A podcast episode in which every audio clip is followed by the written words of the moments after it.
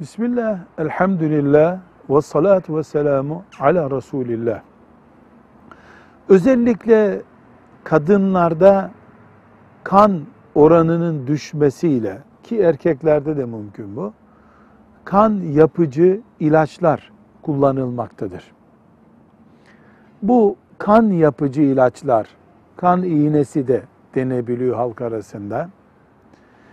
Bizzat kandan üretiliyorsa bu büyük ihtimalle e, Avrupa standartlarında domuz kanından veya helal kesilmemiş bir hayvanın kanından üretilir ki bunda e, bir helallik sorunu olabilir.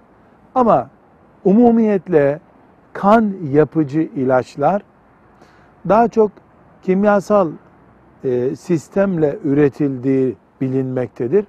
Eğer özellikle kan yapıcı bir iğne veya başka ilaç kullanılacaksa ve o ilaçta bu biyolojik olarak bir canlıdan alınmıştır diye bir kayıt varsa alternatifini ararız. Alternatifini neden ararız?